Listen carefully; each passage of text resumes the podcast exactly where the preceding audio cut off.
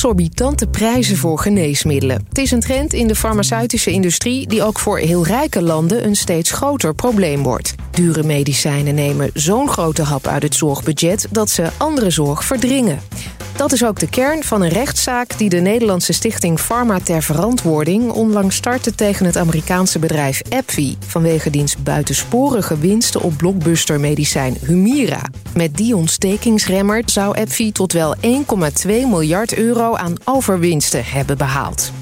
Reden voor Follow the Money om in gesprek te gaan met Ellen het Hoen. Zij is als adviseur betrokken bij deze rechtszaak en als patentjurist strijdt zij al haar hele werkzame leven voor toegang tot betaalbare zorg en medicatie en het doorbreken van monopolies van farmaciebedrijven. Wat betekent deze rechtszaak? Gaat dit een doorbraak zijn in de manier waarop farmaciebedrijven winst maken en hoe overheden daarmee omgaan? Ellen, welkom bij Follow the Money. Dank je. We spreken elkaar online. Ik vanuit Amsterdam. Jij zit in Frankrijk, want uh, daar woon je, hè? Ja, deel, een, een, groot deel van het jaar woon ik in Frankrijk. We hebben afgesproken elkaar te tutoyeren. Uh, zometeen gaan we in op die rechtszaak tegen Epfi. Wat er bijzonder aan is, hoe kansrijk die is. Maar eerst um, ja, wil ik jou wat beter leren kennen. Want uh, jij zet je al meer dan 40 jaar in voor het breed toegankelijk maken van levensreddende medicatie in hoge en lage inkomenslanden. Wat beschouw jij als je grootste overwinning in al die jaren? Oeh, dat is een moeilijke vraag. Um, mijn overwinning, ja, zoiets bestaat eigenlijk niet op dit terrein, want alles wat je bereikt is altijd een resultaat van het werk van meerdere mensen. Van coalities, van organisaties, van groepen mensen die bij elkaar komen en zeggen: hier moeten we toch hier moeten we wat aan doen. Als ik zo naar mijn carrière kijk, zeg maar, want als je 40 jaar zegt, voel ik me opeens ook vreselijk oud. Um, de uh, twee resultaten van, van, van campagnes waar ik zelf heel, heel erg bij betrokken ben geweest, waar ik heel trots op ben, uh, zijn de volgende. De eerste is een overwinning bij de Wereldhandelsorganisatie. Dat was in 2001, toen de Wereldhandelsorganisatie de Doha-verklaring over het TRIPS-verdrag en Public Health, volksgezondheid aannam.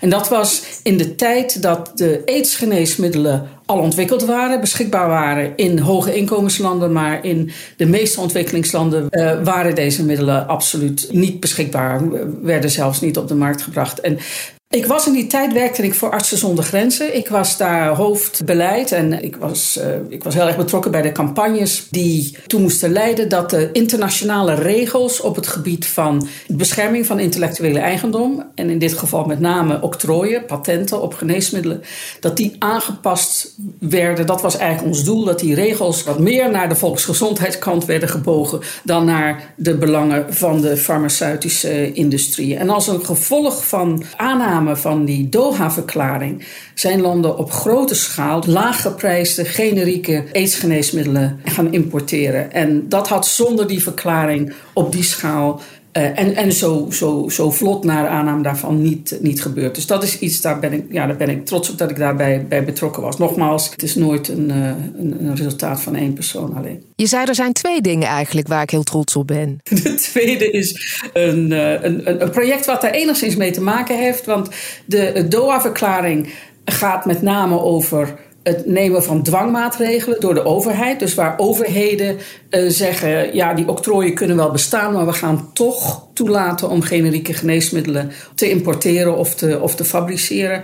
Daarnaast heb je ook uh, vrijwillige maatregelen. En ik ben in 2009 in Genève bij Unitate en de Wereldgezondheidsorganisatie heb ik de Medicines Patent Pool opgericht. En dat is een initiatief waarbij de farmaceutische industrie wordt overgehaald om hun octrooien in die pool te doen. Door middel van licenties. En die licenties die kunnen dan beschikbaar gesteld worden aan generieke bedrijven. Die dan vervolgens tegen kostprijs met een redelijke winst die middelen op de markt kunnen brengen. En dat heeft ertoe geleid dat ook de nieuwe aidsgeneesmiddelen, die veel wijder uh, nog gepatenteerd waren dan de, dan de oudere dat die toch als generieke middelen in ontwikkelingslanden beschikbaar kwamen en beschikbaar bleven. Dat was een initiatief waarvan men zei toen ik daaraan begon. Dat gaat je nooit lukken. Je gaat die industrie nooit meekrijgen. Uh, dit is echt gekke werk. En dat is iets waar ik wel trots op ben dat dat uiteindelijk toch gelukt is. Ja, je bent ook, je bent ook de eerste directeur geworden van die uh, Medicines Patent Pool. Iedereen zei dus tegen jou dat gaat nooit lukken. Het was dus heel lastig. Hoeveel weerstand heb jij ondervonden? Nou, het, het, was een uphill battle, want op één bedrijf na was er geen enkele die, uh, die met ons in zee wilde. En de industrie voerde ook echt wel campagne tegen het, het, het idee van die, uh, van die Medicines Patent Pool. Je had ook hele onverwachte tegenstanders. De Gates Foundation bijvoorbeeld, die zagen dit ook helemaal niet zitten. Nou, als je in Genève de Gates Foundation tegen je hebt, dan is het heel erg moeilijk om iets van de grond te krijgen. Waarom waren Bill en Melinda Gates daar zo tegen dan? Nou, ik weet niet of het, of het Bill en Melinda was, maar Bill in ieder geval. Ik denk dat het te maken heeft met dat het om intellectuele eigendom gaat. En dat alles wat uh, gezien zou kunnen worden als het verzwakken van die intellectuele eigendomsrechten, wordt door, uh, door Bill Gates altijd met argusogen bekeken. En hoe dat komt, ja, daar kun je over speculeren, maar dat, dat, is, dat is nu eenmaal zo. Um, het is uiteindelijk toch gelukt. En ik moet er ook bij zeggen dat de Gates Foundation inmiddels hier ook anders over denkt. Wat heeft uiteindelijk de omslag gegeven? De omslag is te danken aan mobilisatie. Er waren veel organisaties die campagne voerden. Hè. Uh, uh, join the pool, spring in the pool. Maar wat heel erg belangrijk was, was de politieke steun van echt belangrijke internationale politieke leiders. Het Witte Huis en president Obama zelf heeft zich hier hard voor gemaakt. En op een gegeven moment de farmaceutische industrie uh, opgeroepen om hier aan mee te werken. Hij zei letterlijk: Ik wil dat dit een succes wordt en dan moet de Amerikaanse farmaceutische industrie een bijdrage aanleveren.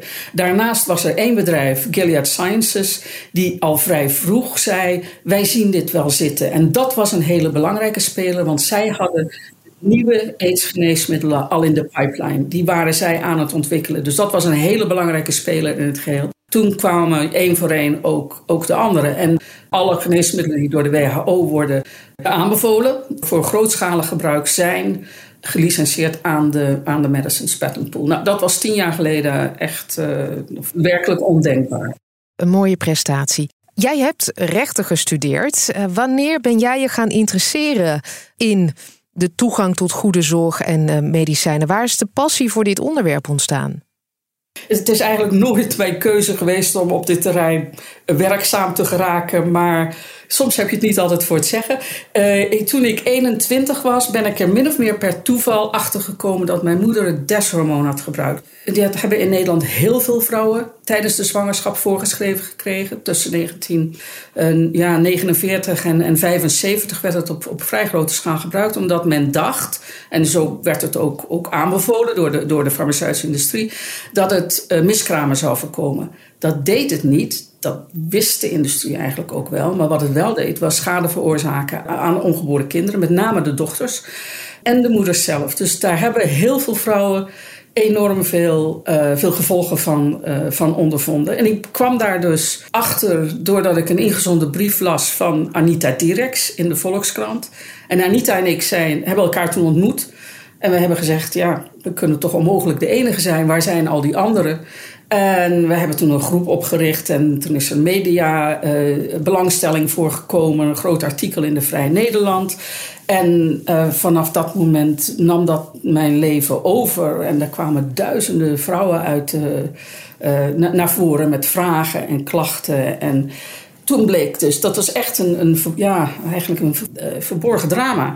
Wat we boven tafel haalden. Maar ja, dan moet je daar op een gegeven moment wel wat mee. Dus we zijn naar de overheid gestapt, we zijn naar de artsen gestapt, we zijn naar de farmaceutische industrie gestapt. En we hebben een actiegroep opgericht om vrouwen te informeren, om, uh, ja, om actie te kunnen ondernemen. We hebben ook op een gegeven moment juridische stappen ondersteund van vrouwen die, die kanker hadden, onder andere. Dus zo ben ik daar uh, in het geneesmiddelonderwerp terechtgekomen. En ik ben in het internationale werk terecht, terechtgekomen, is denk ik het juiste woord. Toen ik erachter kwam dat, dit middel, dat deshormoon, in de jaren, in de tachtige jaren nog steeds werd gebruikt in een aantal ontwikkelingslanden. En toen ben ik in contact gekomen met organisaties zoals Health Action International en Artsen zonder Grenzen en, WEMOS in, uh, in Nederland. En ja, de rest is history zou je kunnen zeggen.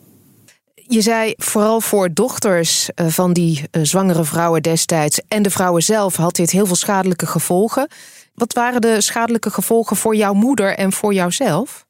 Nou, mijn moeder is op, op 64-jarige leeftijd aan borstkanker overleden. Borstkanker is een van de gevolgen van het deshormoon. Het middel werd bekend omdat het een hele zeldzame vorm van, uh, van vagina- en baarmoederhalskanker veroorzaakte. En ik ben zelf uh, op mijn 26e behandeld voor een voorstadium van, uh, van baarmoederhalskanker. En dat, dat toont dus ook aan, als Anita die brief niet had geschreven, dan was ik daar dus nooit, dan was ik daar waarschijnlijk nooit achter gekomen, of in ieder geval veel te laat achter gekomen. Uh, en dat, dat was ook ons doel, om ervoor te zorgen dat alle vrouwen toegang hadden tot dezelfde informatie die wij hadden. En zichzelf konden beschermen en regelmatig voor onderzoek konden gaan. En jij hebt toen dus echt een crash course uh, geneesmiddelen uh, gehad in die jaren. Ja, dat kun, je, dat kun je wel zeggen. Want dan, hè, dan, dan ga je gaat je ook afvragen, maar hoe komt dat nou dat de overheid dit heeft laten gebeuren? Hoe kan zo'n middel op de markt zijn, zijn gebracht? Hoe komt het dat de overheid niet heeft ingegrepen toen het bekend werd? Hè, uit, de, uit de wetenschap, dat waren publieke wetenschappelijke publicaties, dat het schadelijk was. Uh, dat is allemaal onder het, onder het tapijt uh, geveegd. Zowel door de, door de overheid als door de farmaceutische industrie. En als je daar dan je wat meer in gaat verdiepen, dan krijg je dan heel snel inzicht in hoe dat allemaal werkt. En uh, dan gaan je ogen wel open. Ja. Als je kijkt naar de ontwikkelingen sinds je bent begonnen, is er veel veranderd dan qua toegang tot medicijnen? Is het beter of slechter dan vroeger? Nou, wat in ieder geval veel beter is in vergelijking met het Deso-moment, dat wil ik wel zeggen. De toegang tot de markt is veel strikter. Bedrijven moeten veel meer bewijzen overleggen voor de kwaliteit en de effectiviteit van geneesmiddelen. Dat is in ieder geval eh, veranderd. En in Europa hebben we nu ook het Europees Geneesmiddelenbureau uh, die daarvoor waakt. Wat toegang tot geneesmiddelen betreft, mondiaal, is de situatie eigenlijk veel penibeler geworden. Omdat er sinds 1995 is het internationale verdrag wat de vereisten voor de bescherming van intellectuele eigendom vastlegt. Dat is het TRIPS-verdrag. Dat is een deel van, het, van de Wereldhandelsorganisatie. En dat staat voor Trade-Related Aspects of Intellectual Property Rights. Maar het is eigenlijk gewoon ja, het intellectueel, intellectuele eigendomsverdrag van de WTO, van de Wereldhandelsorganisatie. Toen dat verdrag werd aangenomen, vanaf dat moment waren alle lidstaten uh, verplicht om minimaal 20 jaar octrooien, patenten te geven voor alle uh, velden van technologie, ook geneesmiddelen. Terwijl daarvoor hadden landen een veel grotere, zag je een veel grotere variëteit. Er waren veel ontwikkelingslanden die octrooien voor geneesmiddelen niet toestonden. Ook bijvoorbeeld octrooien voor voedingsmiddelen niet toestonden, omdat ze dat niet in belang van hun bevolking en ook van hun economische ontwikkeling beschouwden. Die flexibiliteit, die, die variëteit, daar kwam een einde aan in 1995. Waardoor generieke fabrikanten, want generieke fabrikanten kunnen alleen maar opereren als er geen octrooi is of als er een licentie is voor dat octrooi. Maar omdat geneesmiddelenoctrooien steeds wijdser werden aangevraagd en werden afgegeven, werd dus langzamerhand de mogelijkheid van generieke bedrijven om goedkope versies van nieuwe geneesmiddelen te maken uh, steeds kleiner. En dat begint in ontwikkelingslanden steeds penibeler te worden. We hebben daar natuurlijk een, een voorproefje van gehad met de aidsgeneesmiddelen. En dat heeft een enorme strijd gekost om die aidsgeneesmiddelen zeg maar, te, te bevrijden uh, van die octrooien. Maar uh, voor alle andere ziekten, voor de meeste andere ziekten, en met name ziekten zoals kanker of diabetes, is dat niet het geval. En uh, is de, de toegang tot die middelen, de beschikbaarheid van die middelen, echt heel erg laag in veel landen. En dat, dat leidt tot grote problemen. De, de Medicines Patent Pool heeft onlangs zijn mandaat uitgebreid. Inmiddels richten zij zich op alle essentiële geneesmiddelen, inclusief geneesmiddelen voor kanker bijvoorbeeld. Maar het blijkt in de praktijk toch heel erg moeilijk te zijn om de bedrijven over te halen om die octrooien ter beschikking te stellen voor gebruik in ontwikkelingslanden. Dus wat jij zegt is, voor bepaalde infectieziekten, eh, zoals HIV, is er grote vooruitgang geboekt.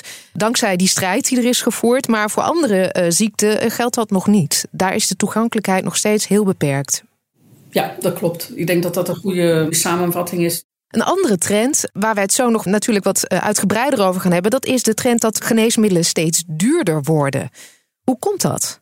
Nou, als je als samenleving ervoor kiest om onderzoek en ontwikkeling van nieuwe geneesmiddelen te financieren door monopolies te geven, want dat is het eigenlijk, het octrooisysteem. Je zegt tegen een bedrijf, hier heb je 20 jaar en in Europa is dat eigenlijk nog veel langer, 25, 26 jaar, het alleenrecht. Dat betekent niet dat ze al die jaren ook op de markt kunnen zijn, want daar zit natuurlijk ook een periode in dat ze een aanvraag moeten doen voor, voor toegang, toestemming om op de markt te komen. Maar als je monopolie gebruikt om onderzoek en ontwikkeling te financieren, moet je er niet van staan te kijken dat je geneesmiddelen duur zijn. Want dat is nou precies wat een monopolist doet. Daarnaast hebben we in Europa marktexclusiviteit voor weesgeneesmiddelen bijvoorbeeld, die daar allemaal toe bijdragen dat die prijzen heel erg hoog uh, gehouden kunnen worden. En overheden zijn, zijn niet bereid om daarin in te grijpen. Ja, daardoor blijven die geneesmiddelenprijzen uh, natuurlijk exorbitant hoog. Waarom gebeurt dat niet? Waarom durven overheden niet in te grijpen? Is dat een kwestie van durf? Ja, dat vraag ik me heel, heel vaak af. Uh, wat je vaak hoort is toch een angst om in te grijpen. Wat de farmaceutische industrie betreft. Ik noem dat ook wel eens de farmaceutisch Stockholm-syndroom.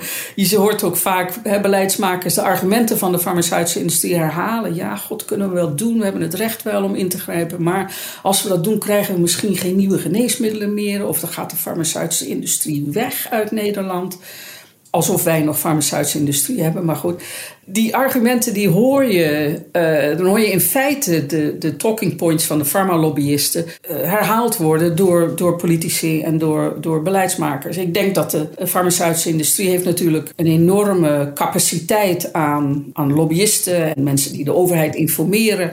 Dat zal daar een grote rol in spelen. En ik denk onterechte angst. Want in feite zouden politici hier op een hele andere manier tegenaan moeten kijken. Want het is niet zo dat die bedrijven geneesmiddelen ontwikkelen met hun eigen geld. Uiteindelijk betalen wij als samenleving daarvoor. Of je dat nu direct doet. Voor een deel wordt dat ook direct gefinancierd. Dat veel van die innovaties komen uit de academische wereld bijvoorbeeld. En worden dan vervolgens overgedragen aan de farmaceutische industrie die die innovaties verder ontwikkelen tot geneesmiddelen, hè, waar ze dan een, een, een registratie voor kunnen, voor kunnen krijgen. Maar dat wordt voor een deel al gefinancierd door de overheid, maar we financieren dat ook door die hoge geneesmiddelenprijzen. Uiteindelijk is dat allemaal geld wat uit de samenleving en uit de zorgpot wordt ontrokken om dat systeem in stand te houden. En dan kun je je ook wel eens afvragen: is dat eigenlijk wel een efficiënt systeem? Kun je in bepaalde gevallen niet veel beter direct financieren, bijvoorbeeld. En dat dus loskoppelen, innovatie loskoppelen van eh, de verkoop. Ja, ik denk dat daar veel meer mee geëxperimenteerd zou moeten worden. Er wordt ook wel de linkage-model genoemd, waarbij je in feite een markt creëert voor de innovatie, waar je geld voor beschikbaar stelt, en de markt waar de verkoop plaatsvindt. Maar dat kan dan tegen, tegen kostprijs plus een winstmarge gebeuren, omdat die innovatiekosten zijn al gefinancierd. Ik denk een terrein wat heel interessant zou zijn om daarmee te, te experimenteren, is de ontwikkeling van nieuwe antibiotica.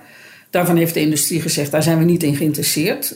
En dat snap ik ook wel, want als je een nieuw antibioticum ontwikkelt, dan moet je dat in feite zo lang mogelijk op de plank laten liggen.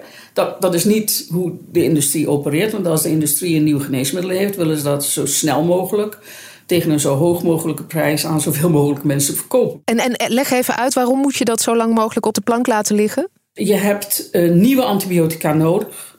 Maar als je die heel snel op grote schaal gaat inzetten, dan heb je ook weer heel snel te maken met, uh, met resistenties. Dus dan worden die geneesmiddelen weer veel minder effectief of misschien wel helemaal niet meer effectief. En op een gegeven moment heb je dan te maken met infectieziektes die niet meer te behandelen zijn. En dat heeft, heeft, grote, dat heeft natuurlijk grote, grote gevolgen. Dus als je een nieuwe klasse aan antibiotica hebt, dan wil je die voorzichtig inzetten, alleen maar gebruiken daar waar ze echt nodig zijn. Maar dat is een verdienmodel wat natuurlijk niet past bij hoe de farmaceutische industrie opereert. En daarvan zeg jij dus, daar zou de overheid in moeten springen in dat gat. Dat moet je eigenlijk mondiaal aanpakken. Ik denk dat er heel veel ruimte is voor uh, samenwerking tussen de Europese Unie en de Verenigde Staten. Ja, want Amerika, eh, president Biden heeft al aangekondigd toch om daar flink wat miljarden in te steken? Ja, die heeft, die, die heeft 9 miljard gevraagd in het budget voor de ontwikkeling van nieuwe antibiotica. In Europa hebben we ook een nieuw instituut dat is voortgevloeid uit de COVID-19-pandemie om de ontwikkeling van uh, nieuwe middelen en van vaccins te ondersteunen. Daar zouden ook de antibiotica onder kunnen vallen. Dus daar zijn instanties en er zijn wegen voor om, om dat te doen. En dat wil natuurlijk niet zeggen dat de farmaceutische industrie daar geen bijdrage aan kan leveren. Dat kan zeker, maar ik zou zeggen, betaal ze daar dan gewoon voor. En zorg dat die, dat die middelen vervolgens heel voorzichtig eh, de markt opkomen. Maar dan moet je, ja, dat geld dat moet je wel, wel beschikbaar stellen voor de onderzoek en de ontwikkeling van die middelen. Anders gebeurt het gewoon niet. Als we het hebben over veranderingen door de jaren heen, prijs, toegankelijkheid van medicijnen, dat was eerst een beetje een niche onderwerp. Maar nu, zeker sinds corona, lijkt dat steeds meer aandacht en verontwaardiging op te roepen. Zie jij dat ook? Ja, die, die indruk heb ik ook, maar ik let daar natuurlijk ook misschien eens meer op dan de gemiddelde Nederlander. Maar eh, wat corona natuurlijk heeft gedaan, is laten zien wat er kan gebeuren aan innovatie als je daar als overheid sturend in optreedt. Want niemand zei aan het begin van de pandemie: Nou ja, we hebben dit geweldige innovatiesysteem met al die exclusieve rechten en die octrooien. We gaan eens kijken waar de industrie mee gaat komen. Nee, daar werd vanaf dag één miljarden ingepompt om die vaccins ontwikkeld te krijgen. Dat is ook precies wat je natuurlijk wilt zien gebeuren. En dat kwam in, in het begin ook met de belofte van verschillende politieke leiders. Uh, dat dat vaccin voor iedereen beschikbaar zou zijn. Niemand zou het vaccin mogen bezitten. Dit was een, een global public good. Hè. Dit zou een, een algemeen een, goed zijn, wat voor iedereen beschikbaar zou, zou, zou komen. Zodra die vaccins bestonden, werden dat toch middelen die het eigendom werden uh, van de farmaceutische industrie, die daar inmiddels miljarden mee, uh, mee verdienen. Is het grote probleem van, van die coronavaccins niet dat het vooral ging om de verdeling? Dat westerse landen alles hebben opgekocht, waardoor ze nou ja, niet toegankelijk waren voor armere landen? Nou, er waren twee zaken waren niet toegankelijk. Allereerst de, de vaccins zelf. Want de rijke landen hebben voordat de vaccins op de markt kwamen bestellingen geplaatst, waardoor in feite de vaccins al, al besproken waren voordat ze überhaupt bestonden. Waardoor de ontwikkelingslanden achter in de rij kwamen te staan en ook de instanties die waren opgericht om voor die ontwikkelingslanden uh, de aankoop te verzorgen, die stonden ook met lege handen. Het tweede wat, wat niet gebeurde was het delen van de kennis en de kunde en de intellectuele eigendom die nodig was om die middelen te produceren. Ontwikkelingslanden vroegen daarom uh, vanaf dag één. Want productiecapaciteit is natuurlijk groter dan de paar bedrijven die, die nu die vaccins maken. En er zijn ook bedrijven in ontwikkelingslanden die deze vaccins heel goed kunnen produceren. Maar je hebt dan wel een overdracht van die technologie en een overdracht van die, van die know-how nodig. En dat hebben de bedrijven geweigerd. En dat konden ze ook omdat ze inmiddels het alleenrecht hadden. En daar is natuurlijk door de overheid een hele grote fout gemaakt. Door wel die miljarden te geven, maar daar geen condities aan te verbinden dat de kennis die met die miljarden werd geproduceerd ook voor het publiek mondiaal beschikbaar zou komen. En, en dat is iets, daar moet echt verandering in komen. Is nu in, in Genève bij de Wereldgezondheidsorganisatie wordt een verdrag onderhandeld om beter eh, voorbereid te zijn voor de volgende pandemie, waar dit eerlijk delen van de vaccins, maar ook het eerlijk delen van de know-how, van de kennis, de kunde, de intellectuele eigendom die nodig is om vaccins en andere middelen te produceren. Op voorhand af te spreken dat dat ook gaat gebeuren. Nou, daar zitten nogal wat begijntjes voor te bidden voordat het ook allemaal rondkomt. Maar het ligt wel op tafel als een, uh, een groot onderwerp. Laten we het hebben over de rechtszaak van de Stichting Pharma ter Verantwoording tegen AbbVie. Jij bent daarbij betrokken, want je bent lid van de adviesraad van die stichting. Wat betekent deze rechtszaak? Gaat dit een doorbraak zijn in de manier waarop farmaciebedrijven winst maken en hoe overheden daarmee omgaan? Nou, um, laten we het hopen. Het is een vrij unieke zaak. Wat de stichting de rechter vraagt is om een uitspraak te doen over... heeft Abvi hier nou rechtmatig gehandeld of, of, of, niet? En daarbij draagt de stichting een aantal argumenten naar voren... die onder andere gebaseerd zijn op mensenrechtenargumenten... maar ook uh, mededingingsrechtelijke argumenten. En wat de, de, de stichting eh, heeft aangetoond is dat APFI onterecht 1,2 miljard uit het Nederlandse zorgstelsel heeft getrokken in excessieve winsten. Ehm, dat is niet de totale winst. De totale winst was veel groter, maar 1,2 miljard excessieve winsten. En daarmee uh, zijn verantwoordelijkheid op het gebied van mensenrechten eigenlijk niet heeft genomen, omdat ook een bedrijf dat in ogenschouw moet nemen bij de bedrijfsvoering. Door het onttrekken van dat soort fondsen uit het zorgstelsel wordt zorg verdrongen. En hebben andere mensen eh, geen toegang of wellicht mindere kwaliteit van zorg gekregen. Redelijke winsten vragen, daar hebben we, hebben we geen moeite mee. Maar in dit geval waren de winsten echt, echt excessief. Ja, en die 1,2 miljard overwinsten, dat is een berekening die de stichting heeft gemaakt. Ja, met behulp van een groep gezondheidseconomen. Want economen zijn we dus niet. Uh, de stichting zijn met name medici, apothekers, juristen. Als dus de rechter zegt, ja, ik ben het met jullie eens dan uh, creëert dat wel een hele belangrijke nieuwe norm voor de farmaceutische industrie. Als de rechter zegt: nee, hier kan ik eigenlijk verder niks mee, dan zal het op het bordje van de politiek terechtkomen. Want dat hier paal en perk aangesteld moet worden, dat is wel duidelijk, denk ik. En als de rechter dat niet kan doen, dan zal de politiek moeten, moeten ingrijpen. Dus het einde hiervan is nog niet in zicht. We hebben het echt over.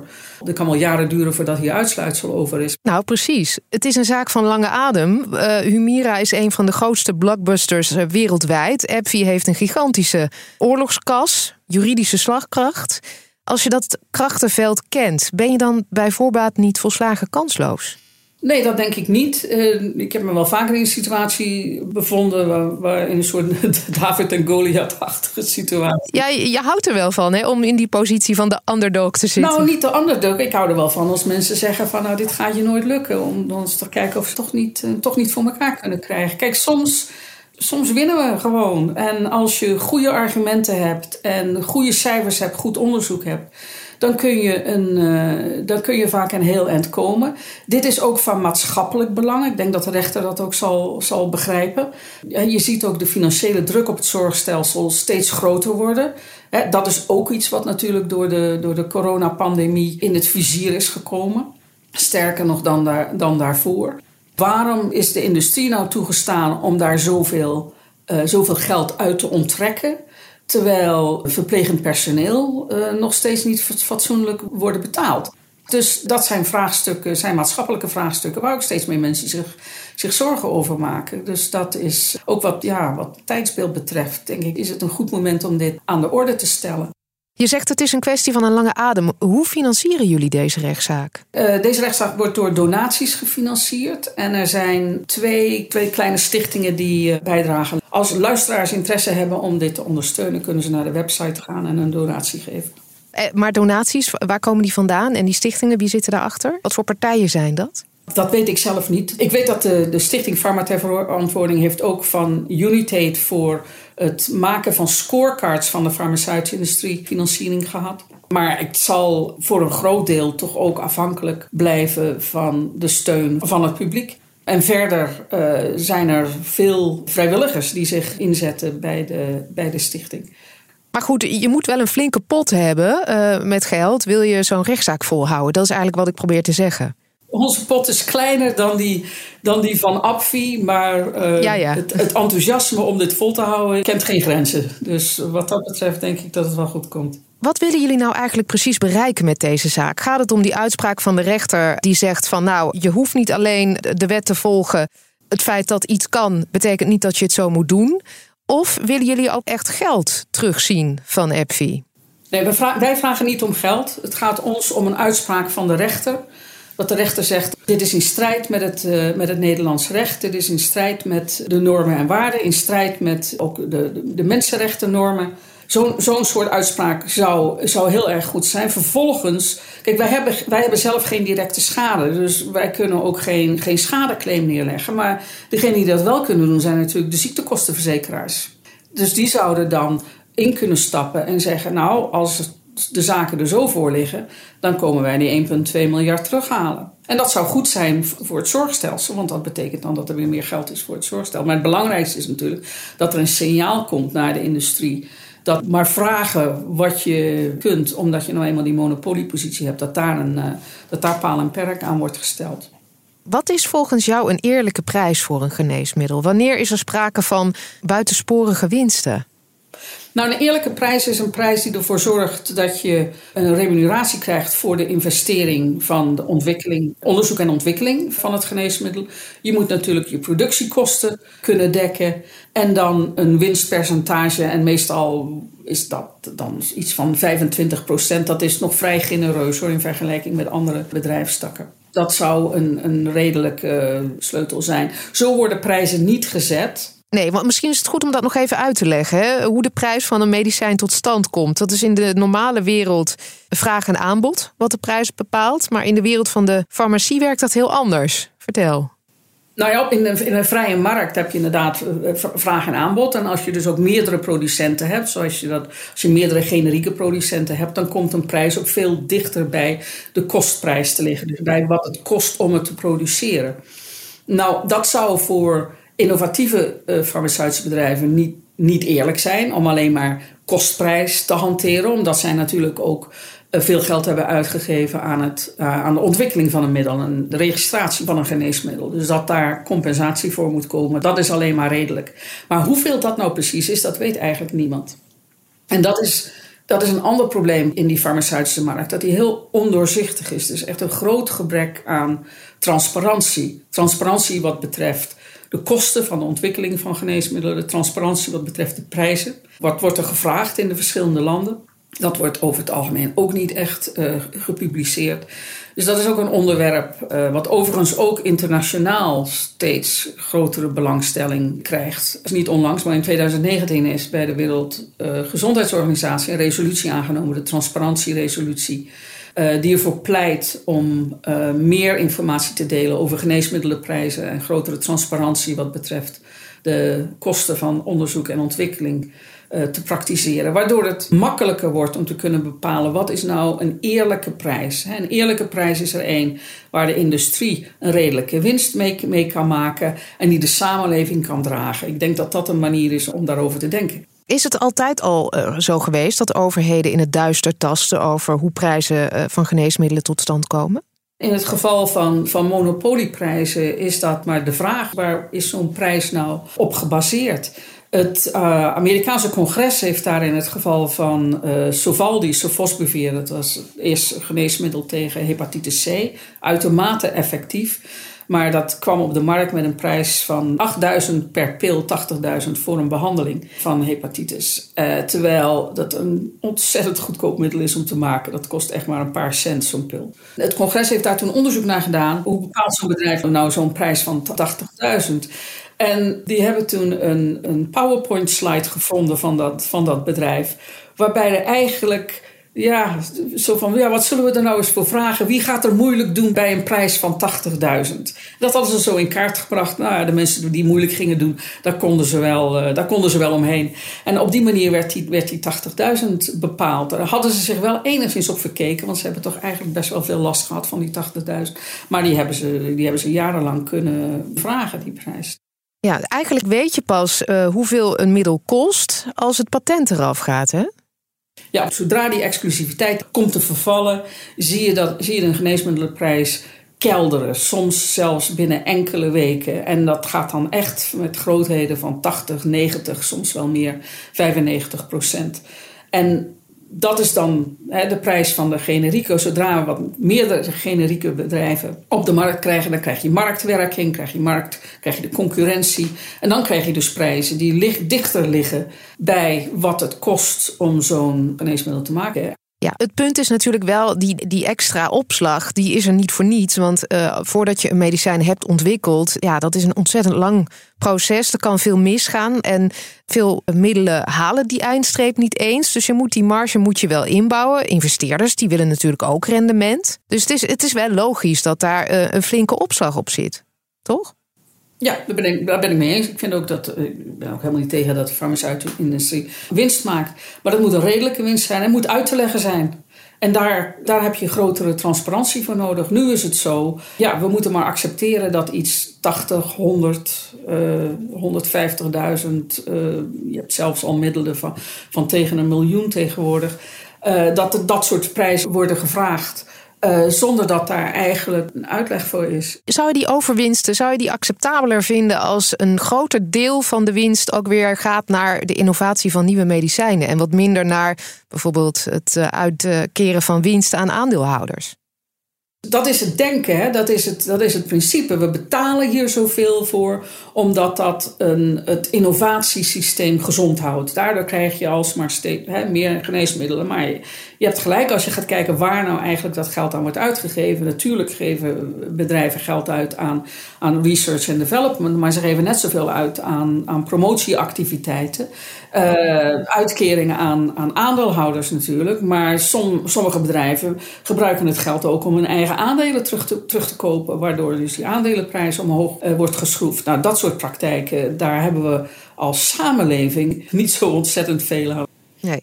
Tegenwoordig draait uh, bij het vaststellen van een prijs door de industrie draait het ook vaak om value-based pricing is een beprijzingsmodel gebaseerd op vermeende besparingen in de toekomst.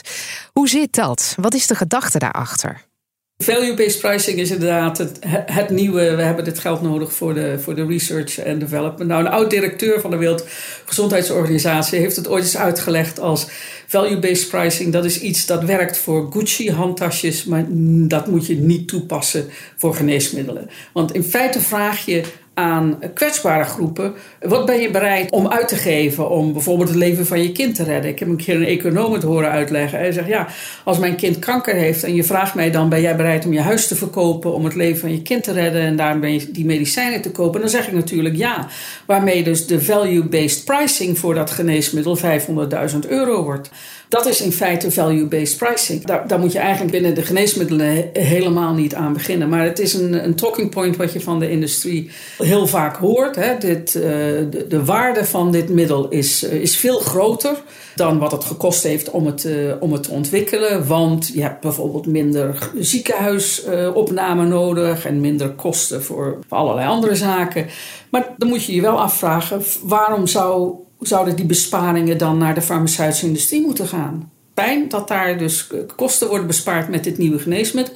Maar we betalen voor dat nieuwe geneesmiddel gewoon een redelijke prijs. En die besparingen die komen ten goede van de gezondheidszorg. Ik zie de logica niet in van het argument dat dat geld naar de industrie zou moeten vloeien. Dat is duidelijk. De rol van de overheid. Jij zegt uh, ze lijden aan een pharma-Stockholm-syndroom. Dus ze doen niet genoeg. Maar waar kunnen ze meer doen? En waar loopt het dus spaak?